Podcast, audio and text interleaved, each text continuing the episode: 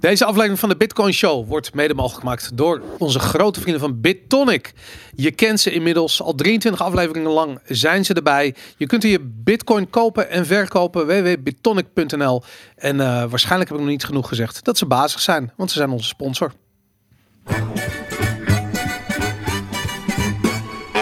It's the Bitcoin Show with our very special hosts, Aaron, Boris, and Jan Willem. Yay! Dat zit in mijn, serieus in mijn ziel gegrift. Aaron Boris en Jan Willem. Ik kan me ook niet voorstellen als jij je naam hoort in het Engels, dat, dat je niet denkt gelijk ook dat Jan Willem. Tada! Het is vet. Ik word er gewoon blij van, jongens. Onze je zei het al verkeerd, hè? Wat? Nou, ik vind je, je, je, je doet het goed elke keer, dat Bitonic pumpen. Maar ze zijn er denk ik 17 afleveringen bij, niet 23. Goh, jeez, word ik even keihard terecht.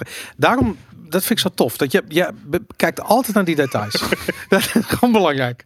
Nee, maar serieus, want ik ben altijd in staat om in mijn enthousiasme gewoon overal door te walsen. En ook kleine disclaimer, hè. Ik bedoel, ik heb geen idee waar ik het over heb, normaal gesproken. Dus dat zie je maar weer.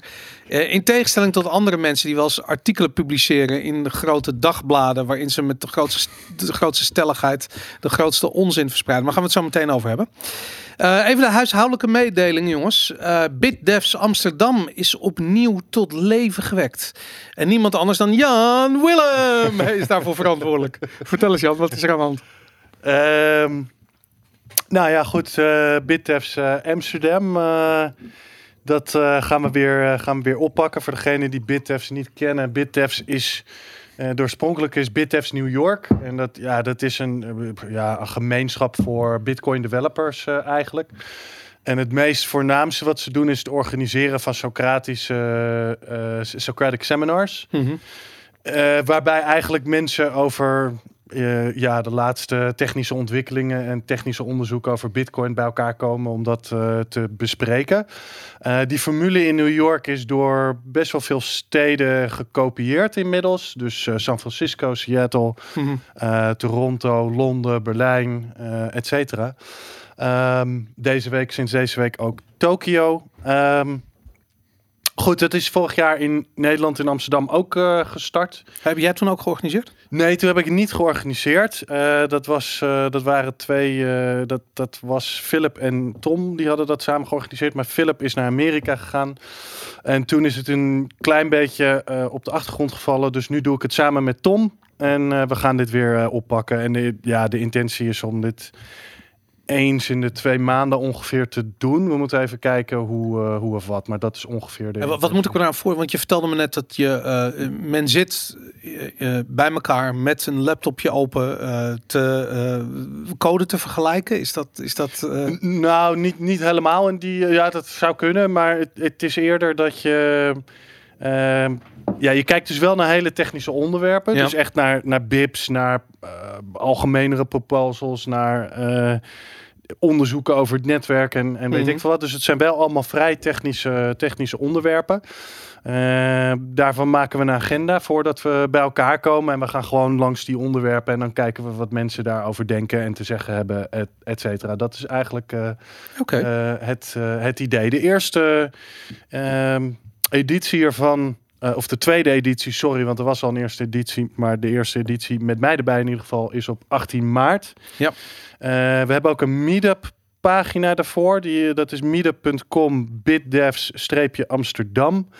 Uh, mocht je 18 maart willen, willen komen, uh, raad ik wel aan om te RSVP'en op die meetup pagina. Want in tegenstelling tot de Bitcoin meetup is er minder ruimte. Ja. Dus kan, ja, de, we kunnen geen 80 man daar daar naar binnen halen. Nee, het is in Amsterdam, toch? Het is in Amsterdam bij het kantoor van, uh, van, uh, van Bitonic. Uh, ja. Nee, goed, nogmaals, iedereen is welkom, maar let wel op dat het... Dit is, ja, dit is geen bitcoin voor beginners, zeg maar. Wat nee, een baas echt, bij Bitonic daar. Wat zijn ja, ze toch bazig? Zo, ze, ze sponsoren hier, ze sponsoren daar. Nee, ze zijn baas. Nou, we hebben nog een andere meetup die we even moeten chillen. 19 februari, een maand ja. daarvoor Tussen Over drie 6 en weken 10. alweer? Over drie weken, ja. Bij Ja. Blast Galaxy, eh, meetup.com slash de streepje bitcoin streepje meetup. Als je ook daar zou willen RSVP'en, dan graag. Dan weten we wie er allemaal komt. Ehm, Nou, dat hoeft toch niet? Maar dat is niet dat verplicht. niet, het hoor. hoeft niet, het hoeft. Als je dat, We hebben ook mag een no-photo policy en dan wil je wel dat RSVP'en. Ja, en, eh, Lekker, lekker consistent. Ze hoeven alleen maar even paspoort te uploaden. Verder niks. dat, Vingerafdruk. Al je, al je public, addresses. inderdaad, ja, nee, dat klopt. Goed, eh, onze de bitcoinshow.nl website heeft een, ehm, een gigantische upgrade gehad. We hebben namelijk ons eigen eh, tipping systeem. Jawel, ik heb twee weken geleden heb ik hier mijn nieuwe Raspberry Pi 4 Note laten zien. En eh, daar heb ik MyNote op geïnstalleerd. En bij na- MyNote zit een BTP-server. Dus die heb ik ehm, eh, aangeklikt. Gekeken wat je ermee kon. En in slechts enkele ogenblikken had ik het voor elkaar om een tipping-knop daaruit te vogelen. En die heb ik op de site gezet. En die accepteert Lightning. Eh, wat het nog niet helemaal. nou, Hij klaagt af en toe een beetje over een SSL-certificaat, wat er nog niet is. Eh, maar dat, als je mij kent inmiddels, dan weet je dat SSL-certificaten. eh, dat zijn Ja. niet bepaald mijn specialiteit. Dus dat, dat duurt altijd lang. Donaties beginnen vanaf 1 bitcoin, toch? Vanaf één bitcoin, eh, ja, we hebben inderdaad. Nee, je kunt, eh, je kunt zelfs één Satoshi eh, tippen. Dat is het mooie aan Lightning. En het is ook tof, want gisteren heb ik het al eventjes in onze Telegram groep gegooid. En mensen begonnen gelijk kanalen te openen, ehm, maar ook gewoon eh, ja, te experimenteren. Zagen dat bijvoorbeeld sommige tips geen routing konden vinden. Ik blijf dat fascinerend vinden hoe het komt dat de ene persoon direct zijn, zijn route vindt naar onze node en de andere persoon daar hele grote moeite mee heeft. Ehm, blijkt altijd wel, als er dan wat, wat eh, hulp van eh, ervaren bitcoiners uit de groep bij komt kijken, dat er altijd wel een oorzaak te vinden is. Maar toch blijf ik het fascinerend vinden hoe toch nog, hoe makkelijk het ook is, het soms moeilijk kan zijn. Als er namelijk iets niet werkt, is het ook gelijk best wel ingewikkeld. Maar goed, dat, eh, dat is Lightning. Ik vind, het, eh, ik vind het vet. Het werkt in ieder geval. Test het uit. Um, www.debitcoinshow.nl. Daar zie je onze eh, Lightning tipping eh, eh, knop. En eh, ja, zonder tussenkomst van derde partijen. Geen bottle meer, maar geen tipping.me. Het is nu gewoon, ehm, ja, het is gewoon eh officieel. moet het, eh, Nou, jij, jij bent onze derde partij. Ja, jij bent onze derde we moeten nog partij, wel op jou vertrouwen. Maar eh, voor mij, vanuit mijn perspectief, is er geen derde partij. Ja. Dat, eh, nee, Volgens dat- Boris was het tot nog toe niks binnengekomen. Er Ik weet niet niks, of dat ja, daadwerkelijk nee, zo nee. is. Misschien moeten we dat verifiëren in de alle, chat. Maar alle payments zijn mislukt, jongens.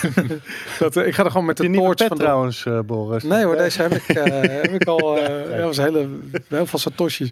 Nou goed, anyways, dat. ehm, ja, dat dus. Dat, eh, dat wou ik even kwijt. Je kunt ons verder vinden nog op Telegram. Tape.me slash de Bitcoin Show. eh, slash off topic slash DBS highlights. En slash DBS mashables zijn onze Telegram groepen. We hebben nog ehm, eh, tips die kunnen naar hello at thebitcoinshow.nl. En dat waren de huishoudelijke mededelingen. Nou, acht minuten. Het, Ja. het wordt wel elke week langer. het langer. voordat Het- we aan de show kunnen beginnen. maar ik bedoel, mijn BTCP-server, daar ben ik toch, ben ik toch, ik moet er eerlijk zijn, ik ben er twee dagen mee bezig geweest. Dus ik was best wel blij dat ik het eh, voor elkaar had. Ik was heel trots op. Dus ik denk van ja, daar vier minuten aan besteden, dat, eh, dank jullie wel dat jullie dat hebben willen aanhoren. Goed, ehm, jongens, de Boris. zombie outbreak. Hebben jullie, zijn jullie liefhebbers van zombiefilms? Games, films. Ik iets? niet echt. Nee? Nee. Nee? Ik kan eigenlijk ook geen eh, zombie film verzinnen die ik echt leuk vond. Ja, Nee? Shaun of the Dead dan misschien of zo. Die was leuk. Ja. Ja, maar verder. Zombieland, wel? 1 en 2, epische Ja, toestanden. Ja, maar... ja, ja, be- inderdaad een beetje. Zolang het eh, komisch is, dan, dan kan het wel. Maar als het. De zombies serieus- zijn altijd een beetje komisch, toch? Nou, de originele. Hoe die? eh, Ja, eh, die eh, Day of the Dead, Do- the Dawn of, of the, the Dead, Living Dead. Night of the Living Dead. Die, die- Precies, maar ik wilde Romero. Ro, hoe heet de regisseur? ja, nou wel Romero. Romero Ja. George A. Romero was dat. Ja, Ja, moest, maar anyways. nou ja, anyways, jij wel? Ben je? Ik, wel, ik ben een groot zombie-fan. En ehm, na, na decennia lang research doen, ik heb het ook getweet, eh, heb ik één ding geleerd in ieder geval van zombie-outbreaks. En dat is dat de overheid eh, werkelijk eh, niets in de melk te brok leeft als het Ja. te maken heeft met het voorkomen van een virusuitbraak. En dat zien we nu ook weer prachtig in de praktijk. Dat is een bruggetje wat ik wilde bouwen naar China, waar natuurlijk een zombie-outbreak heeft plaatsgevonden. En ehm, ja, er, er is geen paniek. Er worden geen eh, vluchten eh, eh, geannuleerd. Mensen zijn Nou, gewoon de inmiddels. ja, het begint Inmiddels nu een begint beetje te wel te komen. Maar ja, komen, het is natuurlijk al, al veel te laat. Weet je. En wat ik zo interessant vind, ehm, is dat we weer opnieuw bitcoin zien stijgen in prijs. En dat we toch misschien een beetje toegaan naar dat bitcoin is een safe haven asset verhaal. Wat we Ja. natuurlijk ook al hadden met die aanslag op Soleiman. Of ja, Soleiman heet hij toch, die Iraanse generaal. Ehm, dat je daar, daar zag je dat ook gebeuren. En misschien zie je dat nu wel weer, weet je. En ik vind dat toch, dat ik denk van nou, Ja. dat, dat, dat zou een fundamentele verandering wordt ook zijn. een beetje goed, gaat, eh, gaat Bitcoin je beschermen tegen corona? Nou, we hadden het erover. Als die zombie outbreak dus hier komt, wat je dan vervolgens gaat doen. eh, blikjes tonijn heb je nodig. eh, wapens en heel veel munitie. Eh, flessen wodka, die kan je ruilen. Eh, eventueel goud voor mensen die nog niet bitcoin hebben. Die dan nog op een oude manier betaald willen worden. Ehm, ja, en bitcoin Nou natuurlijk. ja, wat, maar ik is, denk- wat is precies de reden dat de euro's niet meer zouden werken? Ik, bedoel, ik zeg niet dat het niet klopt, maar ik wil Ja, maar even dat de, is- ik dat is- de chain of logic volgen ja, hier. printer staat uit, toch? Ja, maar dat is volgens mij niet de reden. De reden is volgens mij gewoon algemene onzekerheid in markten en over de economie. En dat is eerder de aanleiding. Als je het heel serieus wil benaderen, is dan- dat zeker. dan- denk ik. ja. ja.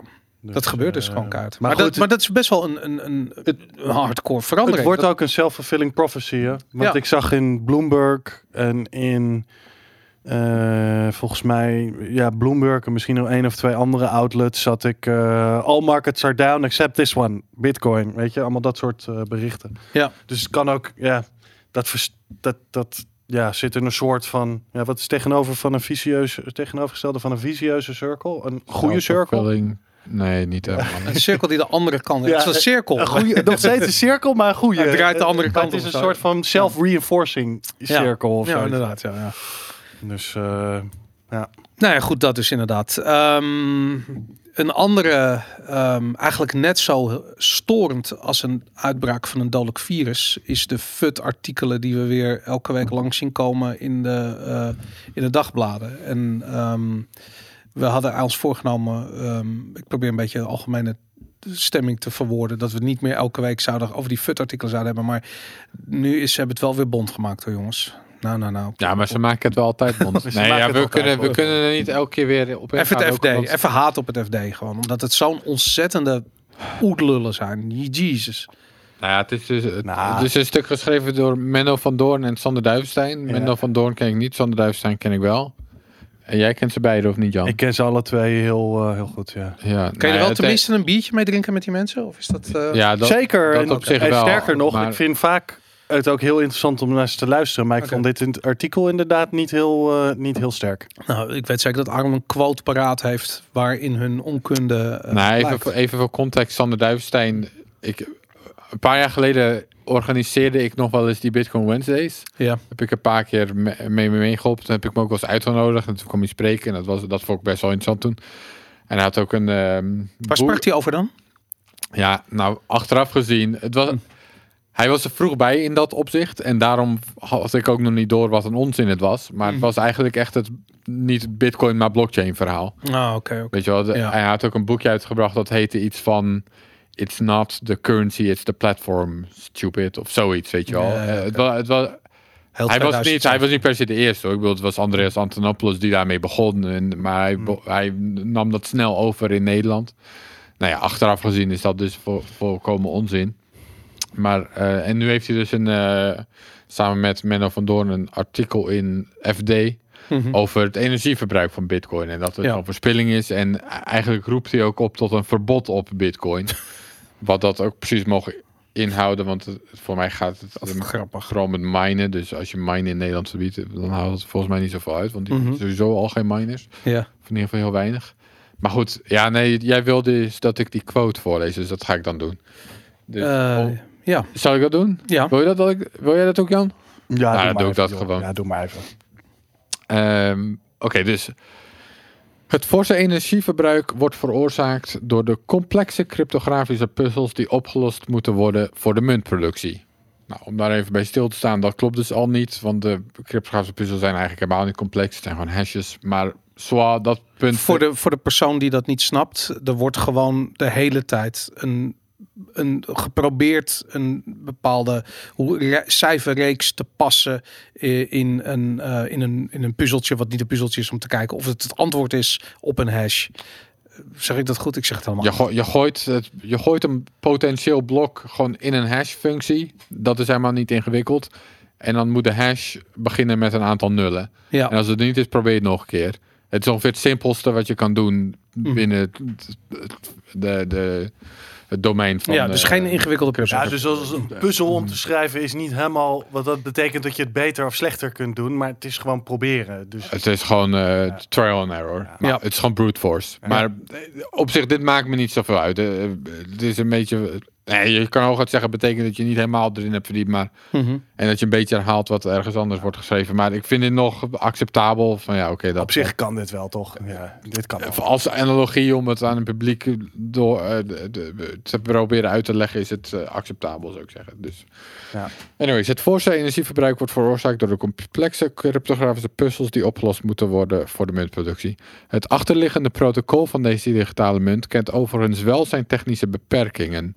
In het jaar 2140 zit de bitcoin aan zijn tax. Dan zijn er 21 miljoen bitcoins en kunnen er geen bitcoins meer bij komen. Het risico is dat er dan constante. Oh nee, dat de dan ontstaande schaarste resulteert in waardetoename. Hogere bitcoinprijzen gaan gepaard met complexere cryptopuzzels en dus hoger energieverbruik. Verschillende scenario's schetsen dat de bitcoin in 2140 de huidige energieconsumptie van de Verenigde Staten zal evenaren. Ja, Het ik is, weet eh, niet eens wat. Nou ja, waar, gaan we beginnen? ja, waar bedoel- gaan we beginnen? Ja, het is, maar, maar eh, even los. Laat ik eerst gewoon beginnen Ja. met uitleggen waarom hier niks van klopt. Ja, Oké, Ja, begin daarbij. Oké, nou ja, oké, laat ik beginnen bij. Hij zegt dat het risico is dat de, wa- dat de bitcoins dan heel veel waard zijn. is toch geen risico? Nee, ja, ik zie dat niet echt als een risico inderdaad. dat is maar blijkbaar, blijkbaar als je in een mentale staat bent dat je tegen bitcoin bent, zie je dat als een risico of zo. maar dat, dat ik is kan wel dat heel niet, belangrijk. Ik kan dat hè? niet anders interpreteren Nee, dan maar dat die, dat- deze man is vreselijk voor ingenomen. Die heeft gigantische zakken met Ripple en met Ethereum. Die is zo zuur als het maar kan. En dit is het risico. Dan is dat een risico, ja. Nou ja, of, dus, nou ja, of je zou dus kunnen zeggen dat wat daarna komt, dat dat verklaart waarom het een risico zou zijn. Ik denk dat wat daarna komt... Ja, oké, Nou, ja, goed, oké, laat. Maar daar klopt dus niks van. Ja, dus oké, maar Ja, dan zou ik dat, dan zou ik dat dus daarop ingaan. Dus het risico is dat er dan ontstaande schaarste resulteren, resulteren waardetoename. Hogere bitcoinprijzen gaan gepaard met complexere crypto-puzzels en dus hoger energieverbruik. Hogere prijzen en complexere puzzels. Di- dit slaat dus neer, want het gaat om het moment dat 21 bit, miljoen bitcoins gemined zijn. Uh-huh. Dus dat er geen nieuwe bitcoins meer bij komen. Ja. Dus op dat moment is de waarde van bitcoin totaal irrelevant geworden voor wat miners verdienen. Voor de hashing power, ja. Ja, want er komen geen nieuwe bitcoins. Als de bitcoinprijs nu hoger wordt, dan gaan miners dus meer verdienen. Dus Ja. gaan ze er meer hashpower in investeren. Ja. Niet, het is niet zo dat de crypto puzzels ingewikkelder worden. Ze gaan zelf meer erin investeren. Maar zwaar, dat kunnen we wel accepteren. Maar Oh, de Duitse kniesoor die daarop let. Maar... ja, maar op het moment dat de 21 miljoen bitcoins zijn gegeven, nou, dan gaat dat dus niet meer op. En Ja. dan gaat het puur om de fees. Ja, Dus de waarde van bitcoin is dan niet meer relevant. Dan gaat het om hoeveel fees zijn mensen bereid te betalen. ja. Dus dat wordt een heel andere dy- dynamiek.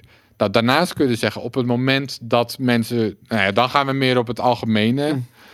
Verhaal in. Op, op het moment dat mensen bereid zijn een fee te betalen... dan vinden ze blijkbaar die transactie het geld waard... en dus de energie die het kost. Maar dat Ja. is meer het algemene. Ja, goed, dat, dat is inderdaad. Dat, daar, daar hebben we het al een aantal keer over gehad. Over dat, dat hele Precies, verhaal om van daar weer helemaal op in te gaan. Dat is misschien niet koe uit de sloot te trekken. Maar, maar, inderdaad. maar het is, ik, ik moet je eerlijk zeggen, ik, vaak gaat mijn eh irritatie eh, alarm al af op het moment dat ik iemand de bitcoin hoor zeggen of schrijven.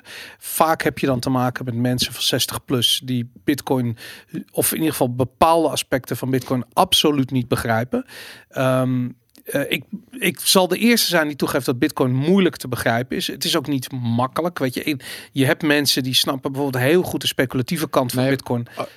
100% Boris. Ik snap dat Bitcoin ingewikkeld is en dat dit soort dingen ingewikkeld zijn. En dat de dynamiek van hoe dat werkt met het minen en als er 21 miljoen en met fees en de Mhm. prijzen en dat is allemaal hartstikke ingewikkeld. Dat snap ik. Alleen het punt is dus dat de meeste mensen die dat hartstikke ingewikkeld vinden en die dat niet zo goed begrijpen, die gaan geen opiniestuk schrijven naar het FD waarin ze oproepen op een verbod voor Bitcoin. Als Ja. je dat doet, dan moet je eerst maar eens vragen gaan stellen. Probeer te begrijpen hoe het werkt. Nou, sterker In nog, plaats van je mening gaan spuien op deze Absoluut. manier. Daar maar stoor maar, ik me maar wel er is één ding eh, eh, waar je naast zit. Die mensen schrijven dat wel. En dan alleen wat je hebt. Je hebt daar gewoon een hoofdredacteur en een eindredacteur zitten. Die zorgen dat die shit niet gepubliceerd wordt. Omdat als ik een ingezonden brief ga eh, sturen over eh, eh, hoe verrot, weet ik veel, de ECB-beleid is. En er klopt geen moer van. Dan wordt het echt niet gepubliceerd in het FD. Nee, Maar blijkbaar kan deze Sander wel zijn onzinartikel insturen het FD. Niemand kan het op juistheid controleren. Dus dit zegt eigenlijk niet eens zozeer wat over Sander. Met hem is er een leger van mensen die het niet begrijpen. Maar dat het FD die shit keer op keer publiceert, dat vind ik echt, daar kan ik met mijn pet Ja. niet bij.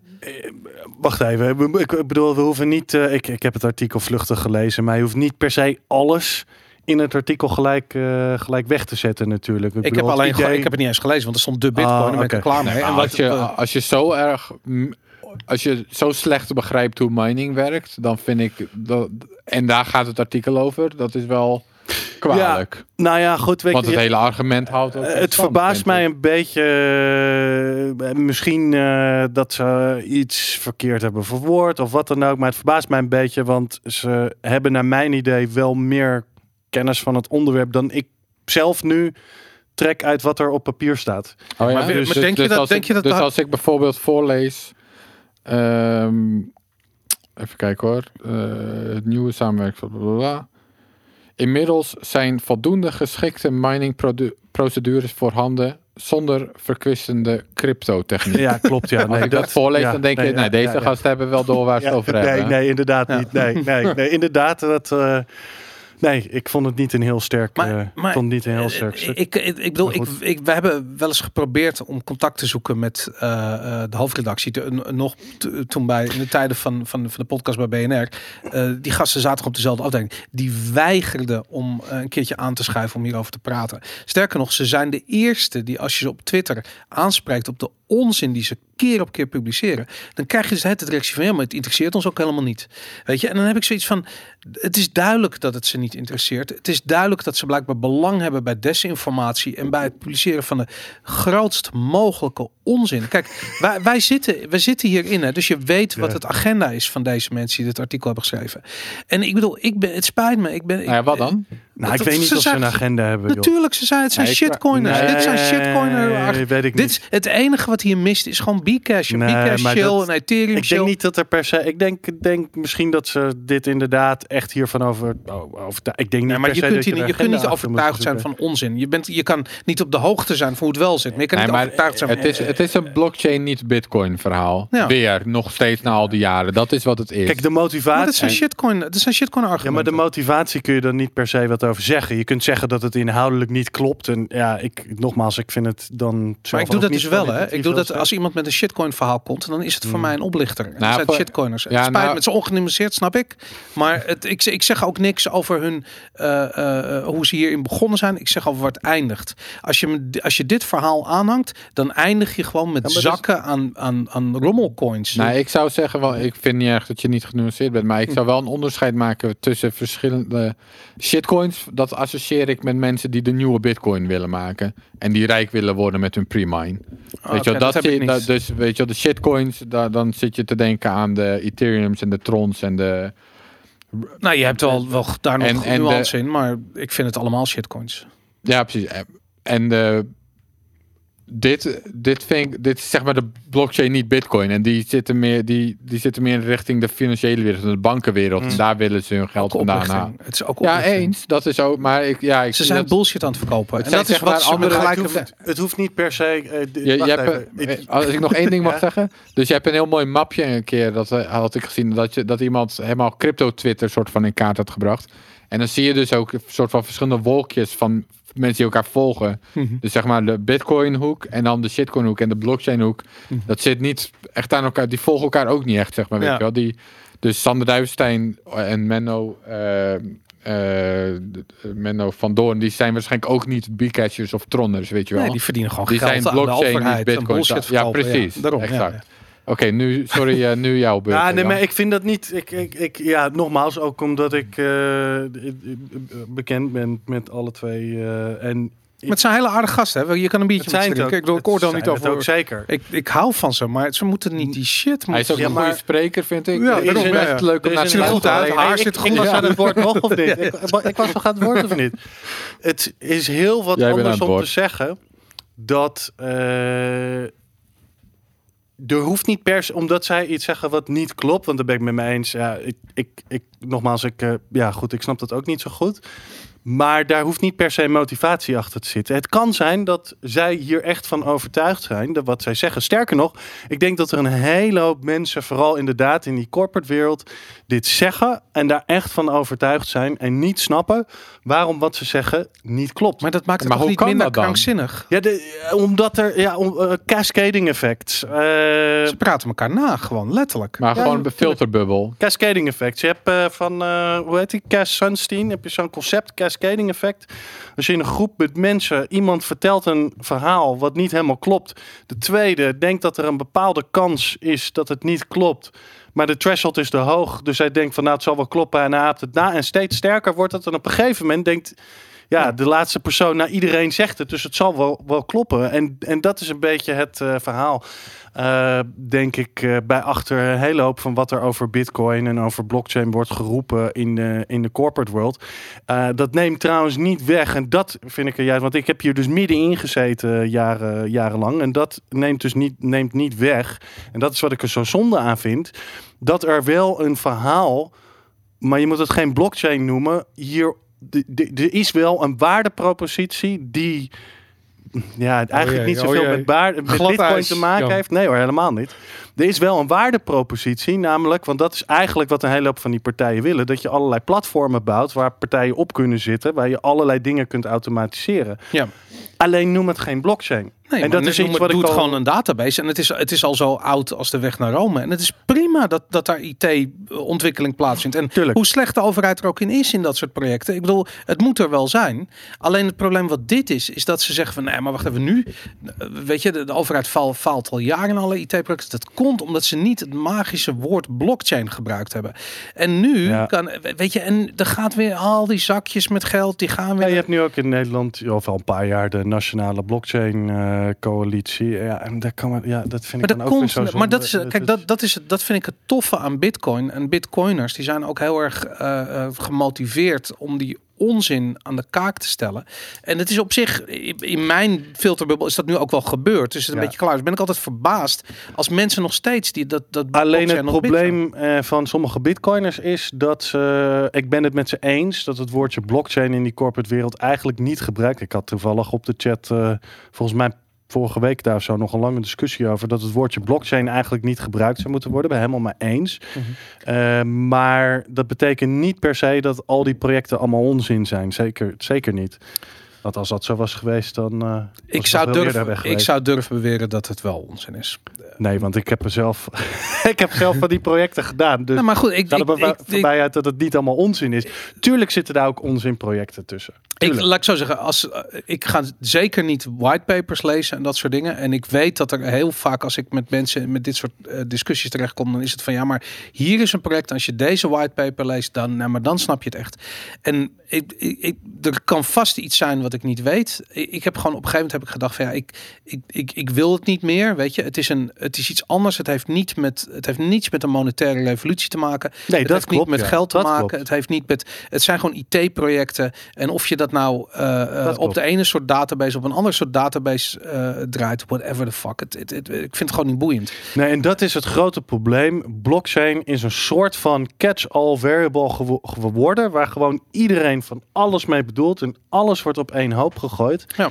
En het is ook, als je daar zelf in, zo- in die industrie werkt, wat ik dus zelf heb gedaan, is het ook heel moeilijk om dat zeg maar bij klanten uit elkaar te trekken. Om daar eh, zeg maar de juiste boodschappen over te geven. Omdat alles wat wordt zo op af wordt gegooid is blockchain, blockchain, blockchain, blockchain, blockchain. Misschien omdat ze het FD lezen.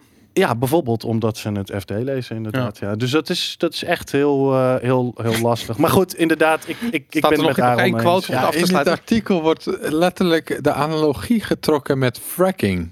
Om een totaal onverklaarbare reden gaat het opeens over fracking. Want, want fracking is slecht en bitcoin is ook slecht. En Ja. dat moet allebei maar verboden worden. Ja. En, ja, en ik zal dan nog, weet je wel, om, om het punt van het artikel even en om, zodat je ook meteen begrijpt waarom het dus in het FD is gepubliceerd. Dus het sluit zeg maar af zo'n beetje met. Eind vorig jaar besloten de Europese ministers van Financiën de cryptomunt Libra, opgezet door Facebook, buiten de deur te houden. Dat zou eveneens een verstandige keuze zijn voor de Bitcoin. Het nieuwe samenwerkingsinitiatief van een groot aantal centrale banken, zoals de Bank of Japan, de ECB, de Bank of England, de Zweedse Riksbank en de Zwitserse Nationale Bank, zou een veilige en energiezuinige munt op moeten leveren. Daar komt de aap uit. Zie je, het zijn toch shitcoiners. Toch nog Dus wordt al er Nou ja, ik zou, ik zou dit toch eerder in de blockchain eh, nonsenshoek stoppen dan shitcoin. Ja, maar Al die maar warenhuizen met servers van Facebook, die kosten geen energie. Dat, moet- dat, is dat de conclusie? Ja, nee, maar het is gewoon, het is, ik, ik word er echt boos van. En als, inderdaad, natuurlijk zit er zo'n zo'n zo'n politiek agendapunt achter. En ik bedoel, die, die, die, die, die, die, die, die, die ECB-crap die gebouwd wordt, die wordt ook gewoon door eh, grote IT-bedrijven gebouwd. Ja. En daar zit gewoon. Wat die, mij verbaast is dat in heel veel van deze artikelen, en ik, ja, ik vind dat nogmaals ook jammer aan dit artikel, dat iedere nuance, die, die hele discussie over energie, dat, wa- waarom zijn we daar nog... Ik bedoel, we hebben toch al Maar de- jaren maar de- geleden juiste nuance daarin aangebracht. Nee, we gaan, we gaan hier nog jaren mee te maken krijgen. Ik omdat de ECB moet dit he- die hele. Ik bedoel, we hebben de, de shitcoins gehad in 2017. En nu krijgen we de centrale banken shitcoins. En dit soort. Het spijt me. Ik vond eerst waar ik nog een biertje met ze drinken. En nu word ik echt boos over omdat het gewoon politiek geladen wordt. Dit soort Mongolen laten zich spannen voor de. Nee, serieus, voor het karretje van de, waarschijnlijk de, de bedrijven of de opdrachtgever. weet ik van wie ze die scheidklus willen binnenhalen. En dan, eh, ja, dan moet dat dan maar gebouwd worden. En dan wordt het vervolgens wordt iedereen gezegd van ja, met Bitcoin, want de energie en de criminelen en weet ik veel. Want we hebben exact. staat, er, staat er ook in trouwens, hè, criminelen. Tuurlijk, ik wou al zeggen, ik miste dat argument nog eventjes. En dat kwam toevallig, het is geen toeval dat ook gisteren in de New York Times een artikel van Nathaniel Proper met exact dezelfde strekking eh, Nee, gepubliceerd goed, werd. ja, nee, maar, Ja, maar dat dit, is, is, ook wel dit, wordt zo. gewoon ge- Ja. dit, is gewoon, dit is gewoon een scenario wat wordt afgewerkt. En eh, ja, sorry, maar dit is de reden waarom ik mainstream media niet meer trek. Omdat je hebt gewoon te maken met andermans politieke eh, eh, belangen. En het, heeft, het doet niets voor de normale gebruiker. Het doet Ja. niets voor de gemiddelde Nederlander. Het is bullshit. We zouden het hier niet zo lang over hebben. Maar Ja, goed, nogmaals, ik ga me hier wel even... nu ben ik ook boos we, gaan er nu over Ik, door. ik ga me er wel even over distancieren, want zo extreem zou ik het niet zeggen. Nogmaals, ik ben het niet eens. Ik waardeer dat ook aan je, dat je in gewoon het artikel staat. bent. Maar, Maar ik zou er niet allerlei motivaties achter zoeken. Ik denk oprecht dat zij inderdaad van overtuigd zijn dat het zo werkt. Maar ja, dat, dat klopt dus niet. En wat mij inderdaad wel verbaast, is dat het dus bijvoorbeeld bij zoiets als het FD. Continu zijn het alleen maar dit soort artikelen. omdat het FD gewoon een spreekbuis is van de ECB daarin. Dat Ja, is gewoon de grote banken die adverteren Dat die betalen die, die, die failliete toko. En dat, eh, ja, dit is gewoon hoe dit werkt.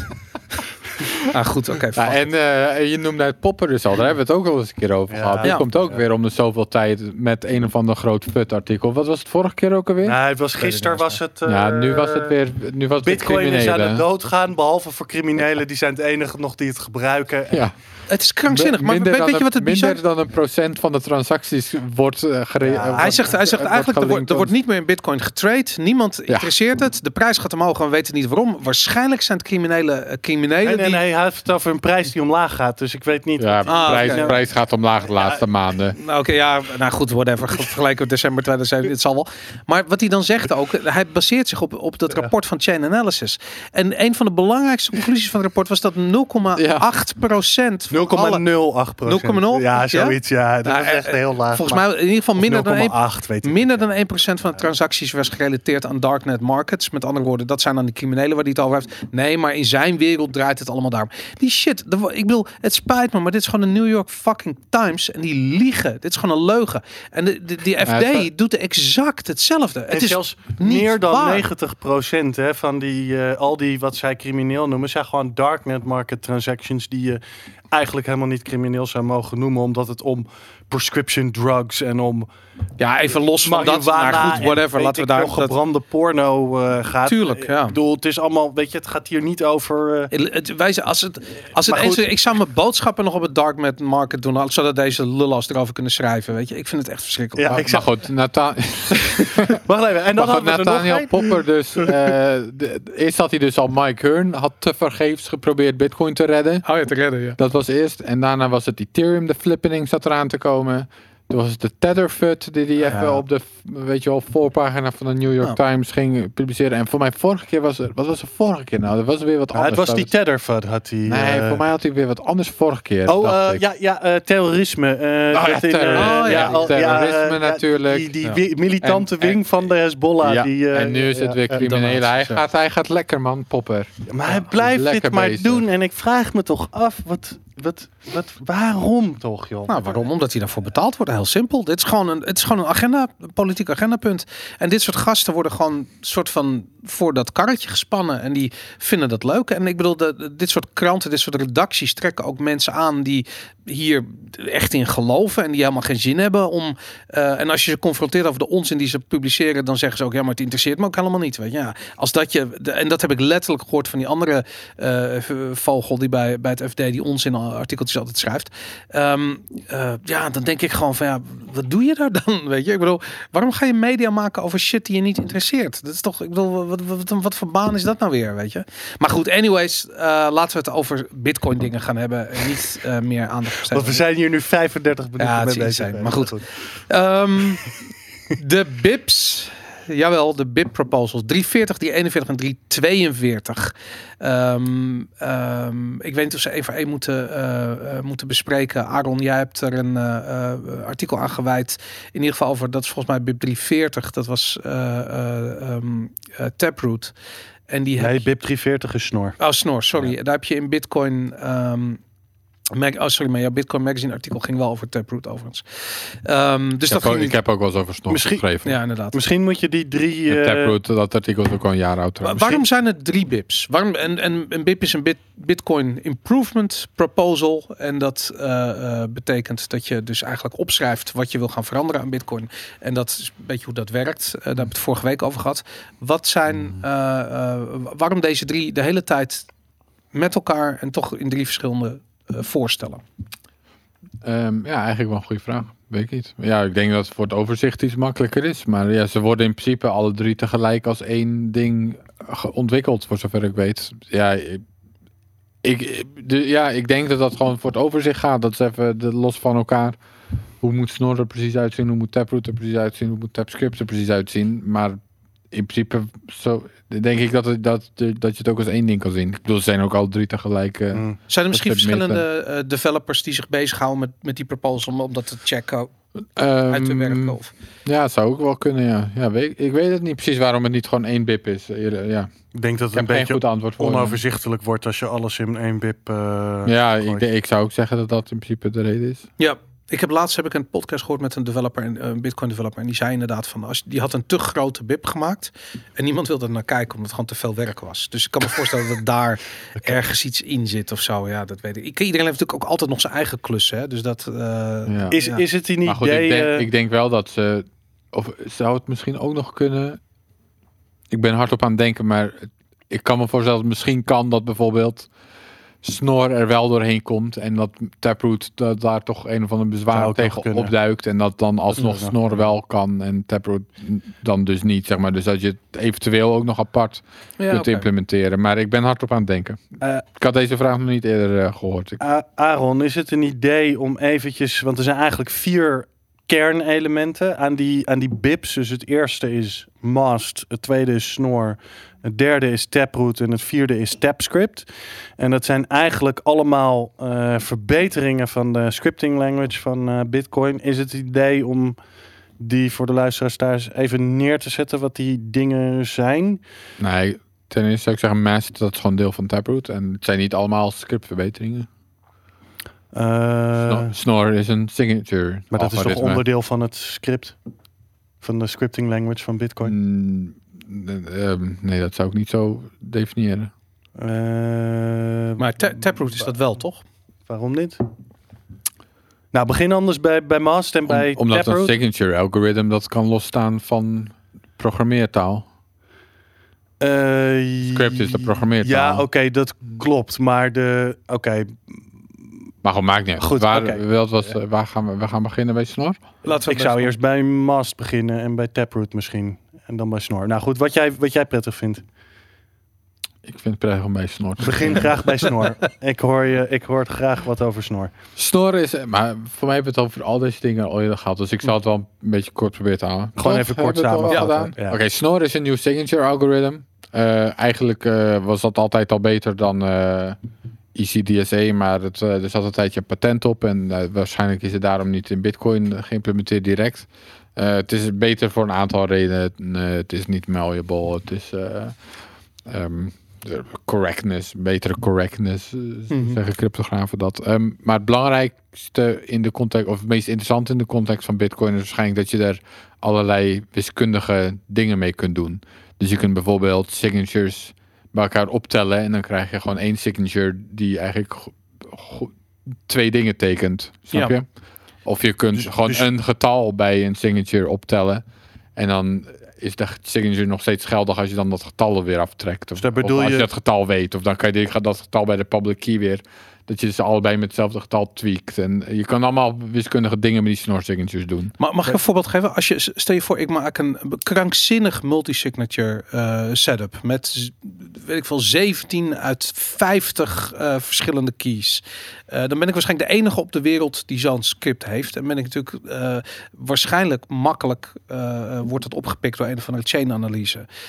Met Schnorr zou dat dus niet meer te onderscheiden zijn van een normaal, eh, van een normaal adres. Eh, ja, ik weet alleen niet zeker of het met 17 uit 50 zou Ik kunnen. zeg maar of wat. dat, iets wat zeker niemand anders heeft. Iets onhandigs. ja, nou, dat weet ik dus niet helemaal zeker. Ehm, misschien. Ik durf het even niet te zeggen. Dus of, want het zou kunnen dat het gewoon per se 3 uit 3 moet zijn, zeg maar. Of, of zoiets. Eh, het is Oh, makkelijker. ik weet dus niet of je M uit N ook kan doen. Of alleen N uit N. Oké, het die vrijheid wil ik wel. Maar het zou kunnen Kan ik dat nog aan Volgens Peter Builen doorgeven? Volgens de BIP kun je het doen Nou ja, met wat je sowieso zou kunnen doen met Taproot is dus dat je mannen.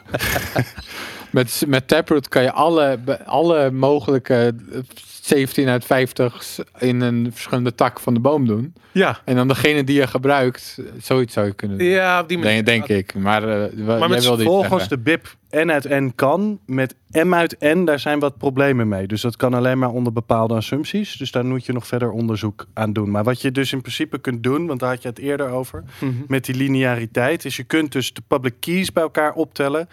En de signatures voor al die keys onafhankelijk. En dan werkt die aggregated public key met die ag- aggregated signature. Ja.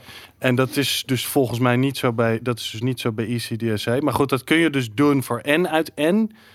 En dan lijkt het dus alsof het één Ja, net ik. transactie Ja. is. Ja, ja. En voor M uit N kan dat onder sommige omstandigheden. En dat heeft hij ook gespecificeerd.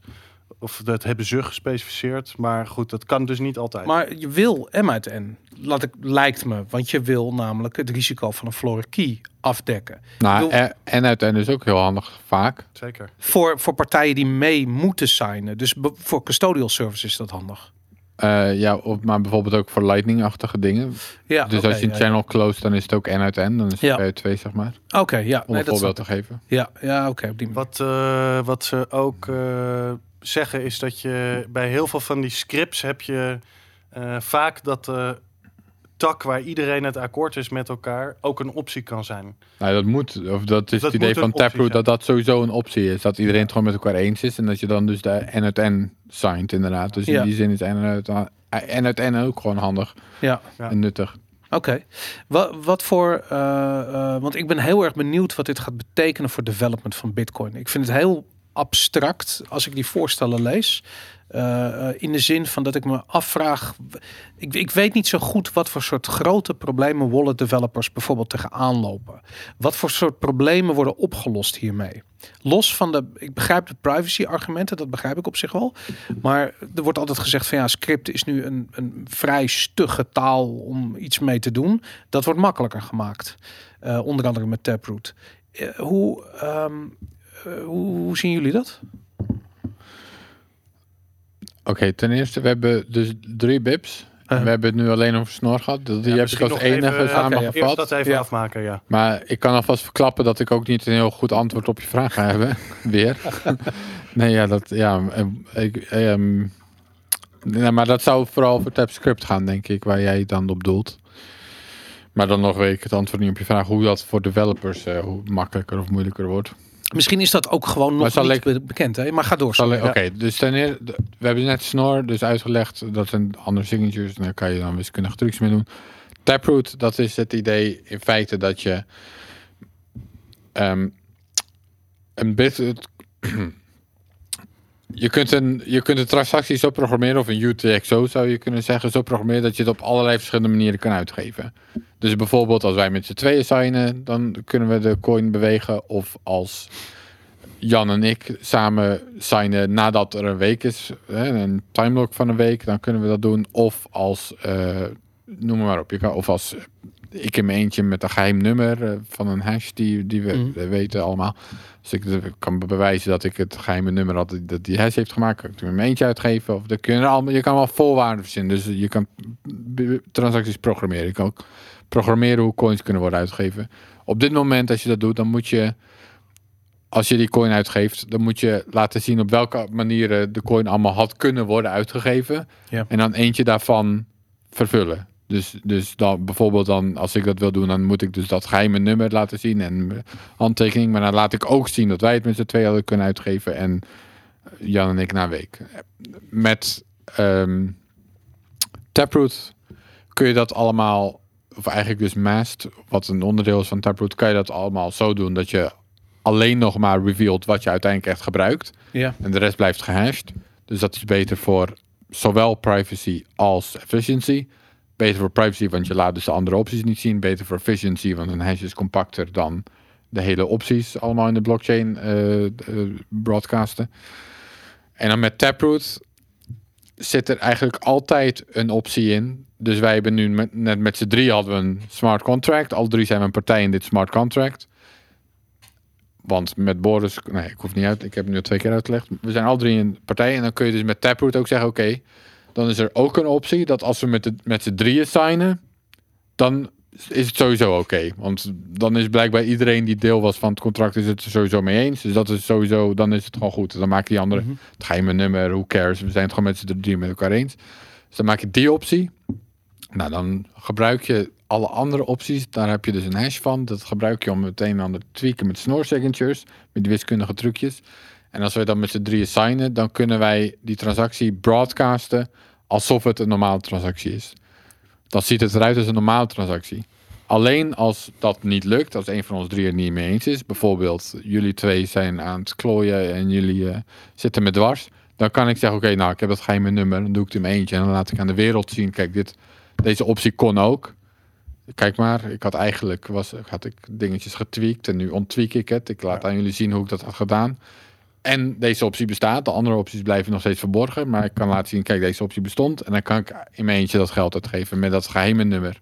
Dus om het samen te vatten, je hebt met Taproot nu, als je een script hebt, dan is het nu zo dat je de hele script moet revealen als je het uitgeeft. Met Taproot eh, kan het zijn één, als je het allemaal met elkaar eens bent, dan hoeft dat niet en dan lijkt het op een gewone transactie. En als je wel een bepaalde subset van die script moet gebruiken, dus alleen maar een paar mensen iets doen, eh, dan betekent het dat je alleen het gedeelte van het script ziet wat mensen daadwerkelijk hebben gedaan. Ja. En niet alle mogelijkheden die er waren. Ja. En dan heb je dus de derde bip, is tab script. Daar weet ik persoonlijk het minst van. Daar Ja. heb ik nooit eh, een heel erg lang over. Of een, eh, ik heb het ooit wel in een artikel heel erg kort samengevat. Maar dat is volgens mij, of zoals ik het begrijp, is dat een wat verbeterde versie van script. Dus Mhm. de programmeertaal die Bitcoin al gebruikt, daar is dan een Taproot versie van, die dan in die Taproot branches zal worden gebruikt, neem ik aan.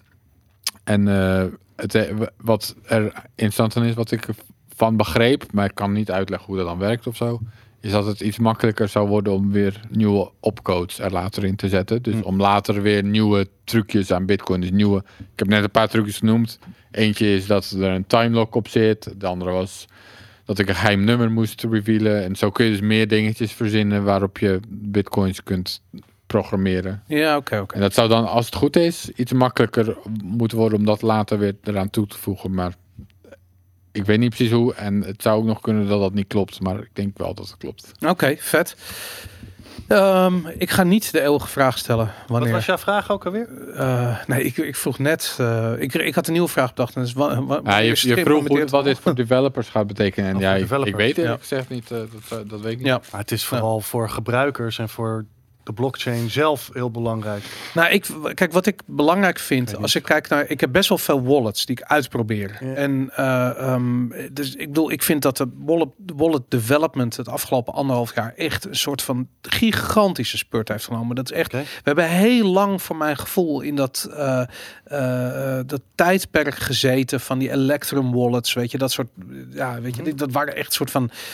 Ja, eh, ben je elke, elke week aan het haat op Electrum? Nee, ik haat helemaal Electrum. Het, het, ik vind Electrum heel, heel goed, maar het, het was gewoon, het is ook Electrum, Electrum is een tijd ver vooruit hoor. Ja, maar en daar, dat is ook het probleem. Daarom kreeg je ook op een gegeven moment de problemen met die servers. En die ze hadden van die, van die DNS-tags, eh, eh, dat, dat soort dingen. Ehm, maar in ieder geval, nu, nu komt er zoveel uit. En eh, wat ze allemaal met elkaar gemeen hebben, is dat ze bijvoorbeeld een goede multisig oplossing missen. Eh, Green Wallet heeft het geprobeerd. en dat werkt op zich goed op een manier dat je er als gebruiker niet echt mee geconfronteerd wordt. Maar eventueel kun je Blockstream bellen en zeggen van luister, is iets misgaan, doe key kwijt, whatever. en dan kunnen ze je misschien wel helpen. Ehm, dus dat vind ik een goed begin. Eh, niet dat ik per se Blockstream nou eh, eh, mijn keys wil geven, maar het, het, ik probeer me voor te stellen hoe ontzettend. Ik, weet hoe ontzettend moeilijk het is om iemand die Bitcoin niet gebruikt en niet kent, uit te leggen dat op het moment dat ze die key kwijt zijn, dat ze gewoon nooit meer toegang hebben tot die Bitcoin. Dat is gewoon ontzettend moeilijk voor iemand te begrijpen. Terwijl als je een in, in dat soort gevallen zou een. eh, eh, ik ben ook geen fan van custodial diensten. Maar een, een, een, een multi-sig setup, zoals bijvoorbeeld eh, de Green Wallet het gedaan heeft. Vind ik in zo'n geval helemaal niet verkeerd. Weet je, dat je gewoon een soort van iets hebt om op terug te vallen op het moment dat je er zelf dat je gewoon zelf Ja, een. Peter Schiff poelt en gewoon de, je, je wallet is je wachtwoord vergeten dan ja dan kun je dat gewoon doen. Dan kun je gewoon iemand bellen en die gaat je helpen. Dus ik vind dat en ik denk dat dat zelfs geld waard is weet je. Dat zie je nu ook Unchained Capital. Ik geloof dat Casa het ook doet. Die hebben allemaal van die van dat soort custodial diensten. Maar ik vind dat dat juist weer wat toegankelijker Maar er ligt natuurlijk een hele open markt voor Bitcoin om allerlei voor Bitcoin partijen om allerlei shared custodial diensten aan te bieden Ja. die het risico wat verminderen, maar die je nog steeds een hele hoop controle ook zelf geven. Ja.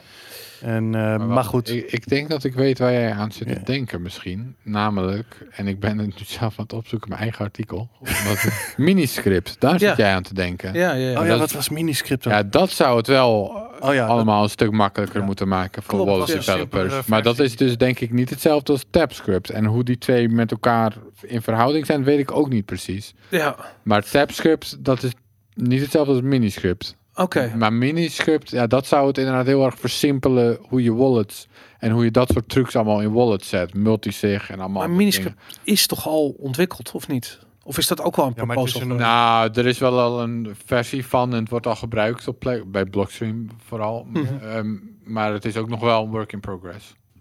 Het is miniscript is enkel een versimpeling van de van de scripting taal ja en eh uh, nou, ik kan mezelf wat termen. Tap script is gewoon een, is een structurele verandering van de Een scripting nieuwe- language, zoals ik het begrijp. Maar ik moet zeggen dat ik de details ook niet helemaal bekend ben wat er precies dan eh, veranderd aan gaat worden. Maar goed. Oké, goed. Nou, ik, ik denk, ik kan me voorstellen dat dit een onderwerp is wat gewoon eh, om de zoveel tijd terug blijft komen, omdat het natuurlijk eh, ja, een work in progress is en het blijft interessant. Ehm, voordat we naar het volgende technische onderwerp gaan, PaySwa- eh, PaySwap, waar je een artikel over hebt geschreven, Aaron, dacht ik van we gaan heel eventjes eh, eh, ehm, eh, een, een, een, een ander onderwerp eh, even kort voorbij laten komen. En dat is namelijk iets wat ik zag gebeuren. Dat is de discussie die er bij de B-cashers eh, gevoerd wordt. Ja, leuk. Over, de, eh, over de, de mining reward die ze eh, hebben opgelegd aan de miners. Namelijk van 12,5 procent. Nou, het Ja. is alweer gefaald, hè? Maar goed. Nou ja, goed, natuurlijk breekt daar de uit. Want dat is natuurlijk een ontzettend slecht idee. Maar is het niet ironisch, even los voordat we inhoudelijk in gaan, eh, dat eh, de mensen die wegvorken van Bitcoin, omdat ze geen controle hebben over Bitcoin, eh, alsnog proberen controle te krijgen over hun, hun, hun fork-project op die manier en er toch nog wat geld uit te slepen. Ehm, Hoe, hoe hebben jullie deze... eh, deze... Misschien moeten we het voorstel eerst Ja, even ik, ik, ik geniet hiervan. Ja, Ja? Ik vind ik het ook, echt ja. leuk. Ik vind het een van de leukste dingen die gebeuren in de hele cryptocurrency space. Is al die bit, Bitcoin Cash drama. En ik vind het zo leuk om, dat, om gewoon door die subreddit zit ik dan een beetje te scrollen. En dan kom je Greg Maxwell tegen die met iedereen aan het sollen is. Ik vind het een van de leukste dingen. Het is zeg maar ehm, de analogie. Ik weet niet of ik die analogie in de show wel eens heb gemaakt. Maar het is zeg maar alsof je hebt, is dat je, weet je wel, rocket scientists, die zijn bezig een raket te maken en na- nadenken wel- welke vloeistof decompressors waar moeten en, en, eh, en eh, wat de wing, de, ik, ben geen rocket scientist, dus ik kan niet eens met goede termen komen om, om te beschrijven hoe een rocket gemaakt wordt. En dan komt er een stel mensen en die zeggen, dat zijn een stel, eh, met een of andere conspiracy komen ze. Ze willen, weet ik wat, ze doen het allemaal voor hun eigen winst. Ze doen, eh, en, en we gaan onze eigen raket bouwen. Ja, ik kijk daar dan met fascinatie naar. Hoe een stelletje conspiracy gekkies een Ja. raket gaan maken. Ik vind dat hartstikke leuk om naar te kijken. Je had toch ook die Flat En- Earth guy die zelf een raket wou bouwen op de bewijzen dat de ja, aarde ja, plat ja, was. ja, Dat, ja, dat, ja, soort- ja, ja. Nou, dat is fantastisch. Ja, dat is echt fantastisch.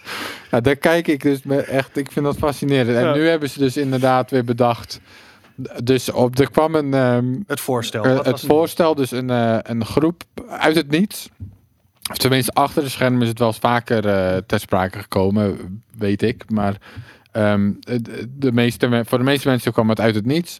Dat er dus. ehm, Oké, het probleem is dat de main client, dat zo kunnen we dat wel gewoon zeggen, van Bitcoin Cash is Bitcoin ABC. Mhm. Die bepalen eigenlijk alles. Die bepalen alle hardforks. Die, die, hebben het ook, die zijn het ook begonnen.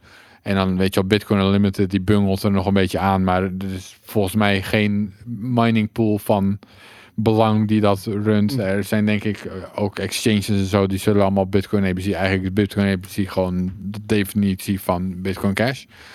Ehm, maar die hebben, die hebben niet zoveel geld. Of die zitten door een funding heen. Die hebben vorig jaar wel iets van een fundraiser gehaald of zo. Maar die, zetten, die, die hebben niet zoveel. eh of of eh, voor mij willen ze ook best wel veel geld. Of in ieder geval. Weet je wel. De bear market is hard voor iedereen. Precies. ze, ze, ze, ze- volgens mij willen ze wel gewoon een ton per jaar per persoon of zo. Weet je, het Ja. is niet heel zuinig. Ehm, maar die, eh, die willen geld. En ehm, uiteindelijk is er dus besloten. Dus er kwam een mededeling van een aantal Chinese pools. Of eh, niet alleen Chinese, maar wel eh dus BTC Top, Bit, hoe heet die? Endpool, Endpool. Bit, Bitmain. Ze hebben er ehm, nog een, toch? Nog een mining pool. Kano, toch? Kano. Is Ja, dat zo? Ik weet het niet. Ik weet niet, in ieder geval. En Bitcoin.com dan. Ja. Die hadden naar buiten gebracht. Oké, wat we gaan doen is... We gaan eh, tijdelijk 12,5% van de block reward... gaan we eh, naar een bedrijf in Hongkong sturen. Dus we gaan een bedrijf opzetten in Hongkong. En die gaat het dan verdelen onder developers. En Ja. daarmee zullen ze dan dus vooral ABC developers eh, hebben bedoeld. Daarnaast, eh, als miners dat niet doen op Bitcoin, AB, op Die Bitcoin Cash, goed, ja. dan worden die blokken dus ge, eh, gereject door de andere miners. Dus Want die hebben 51%, dus je dus, die kunnen dat gewoon doen. Nou, dat hebben ze eigenlijk niet. Oh, dat, is nog, dat is ook nog frappant. Dat ze dus minder dan 50% hebben op Bitcoin Cash. Maar goed, ze hebben wel ook nog heel veel hash op Bitcoin. Wat ze eventueel zouden kunnen poelen naar Bitcoin Cash. Als ze dat echt willen om die vijf- eh, 51% te halen. Maar de, en dan zeiden ze, oké, dus je moet meedoen aan het geld. Als je miner bent, als je Bitcoin Cash mined, moet je geld doneren aan dat bedrijf in Hongkong. Ja. Die dan het geld gaat verder distribueren naar developers. En welke developers dan precies, dat weet niemand. Of weet je dat was allemaal nog niet bekend. Maar je moet daar dus aan meedoen. Maar het was geen protocol upgrade. Dat zeiden ze er ook nog bij. Wat natuurlijk onzin is. En Ja. dat hadden ze gelukkig zelfs bij Bitcoin Cash en RBTC nog wel door. Van ja, dat is gewoon een softfork. Dat is de definitie van het softfork wat jullie nu gaan doen.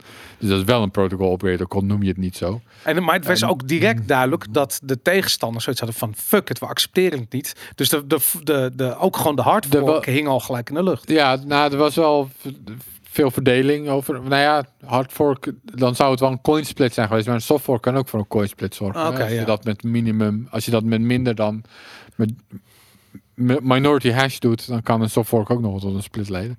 Maar ehm, Eh, oh ja, daar kwam dus wel. Dus, Oké, laten we eerst even bij dit idee stilstaan. Het is natuurlijk, of tenminste, ja, ik, het is een absurd idee. Het gaat tegen alles in wat, Eh, wat, wat, Bitcoin precies. ooit was. Dat je zoiets überhaupt oppert van Ja. als een suggestie. Dat zou bij Bitcoin al niet eens, is niet eens bespreekbaar. Dat zou weggelachen worden. Dus niet eens Ja. een totaal buiten de domein van wat acceptabel zou zijn. dat, dat, dat wordt niet eens.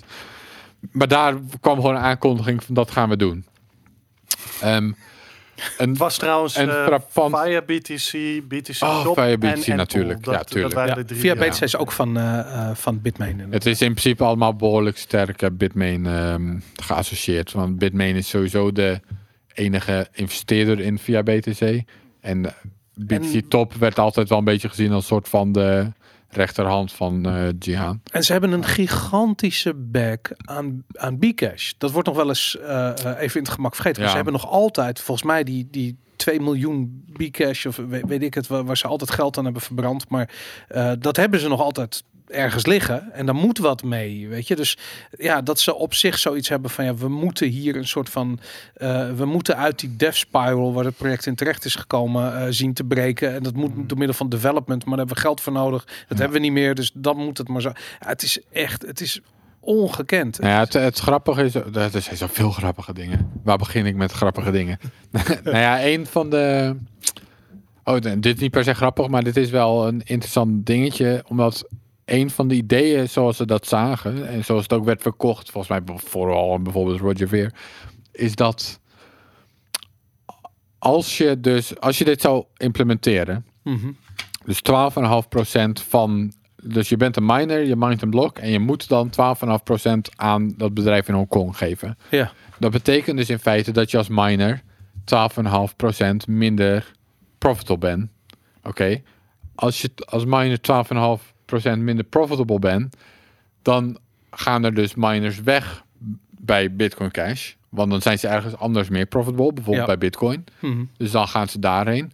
Dus dan is de verwachting dat in principe de difficulty van Bitcoin Cash 12,5% zou moeten dalen. Want dat adjust zichzelf de difficulty. Dus als miners weggaan naar Bitcoin, dan daalt de difficulty op Bitcoin Cash.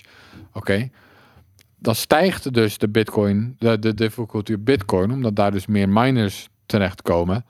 En zoals dat dus in werd geframed, zoals bijvoorbeeld Roger Ver dat aan het verkopen was, Mm. betekende dat dus dat Bitcoin miners aan het betalen zouden zijn voor ja. de Bitcoin ABC developers. En dat vond hij natuurlijk geweldig. Weet je, een beetje Trumpiaans van we gaan, die, is een- we gaan die muur bouwen en de Mexicanen gaan betalen. Weet je, Ja, we ja. gaan de ABC de, betalen en de Bitcoin Core gaat betalen.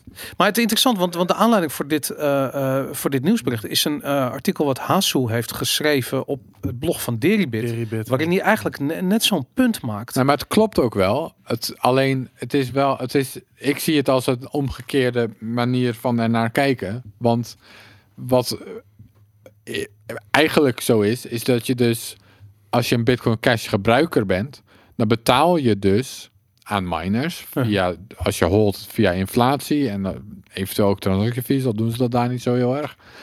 Maar dan betaal je dus voor hashpower.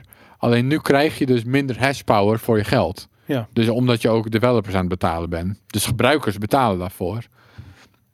Op Bitcoin betalen gebruikers er ook voor. Maar als daar dus de difficulty omhoog gaat omdat er meer miners komen, dan krijg je dus meer beveiliging voor hetzelfde geld. Dus dit is een goede deal voor Bitcoin. En is gebruiker, een goede deal voor Bitcoin gebruikers, een slechte deal voor Bitcoin Cash gebruikers. Ja. En Bitcoin Hasu, Cash heeft Hasu zegt dan wel nog van, eh, ja, maar dan gaan Bitcoin miners gaan ermee uitscheiden. Dus aan de onderkant van het spectrum gaan er Bitcoin miners stoppen. Waarbij ik zoiets heb van dat heeft alles met de prijs van Bitcoin te maken en de prijs van de energie die ze betalen of de prijs die ze betalen voor energie. Ja, nou ja, on the margin, of ja, het zou het kunnen kloppen misschien, maar je moet ook bedenken, 12,5% op Bitcoin Cash sowieso. Dat is, dus Bitcoin Cash heeft iets van 4% van de waarde van Bitcoin. Dus dan als je daar 12% van neemt, dan is dat dus, weet je wel, 0,4. Dan zou de difficulty van Bitcoin ongeveer 0,4 omhoog gaan. En het gaat nu al soms 10% omhoog, Daarom. weet je wel, in twee weken. Of, of, of een, in ieder geval een paar procent. Het is, De hash, hashing het power maakt zo- parabolisch op dit ogenblik. Dat precies, is het niet is, normaal. het is een best wel klein verschil wat er dan opeens bij zou komen. Dan gaan daar bitcoin miners dan opeens verstoppen, dat ten eerste.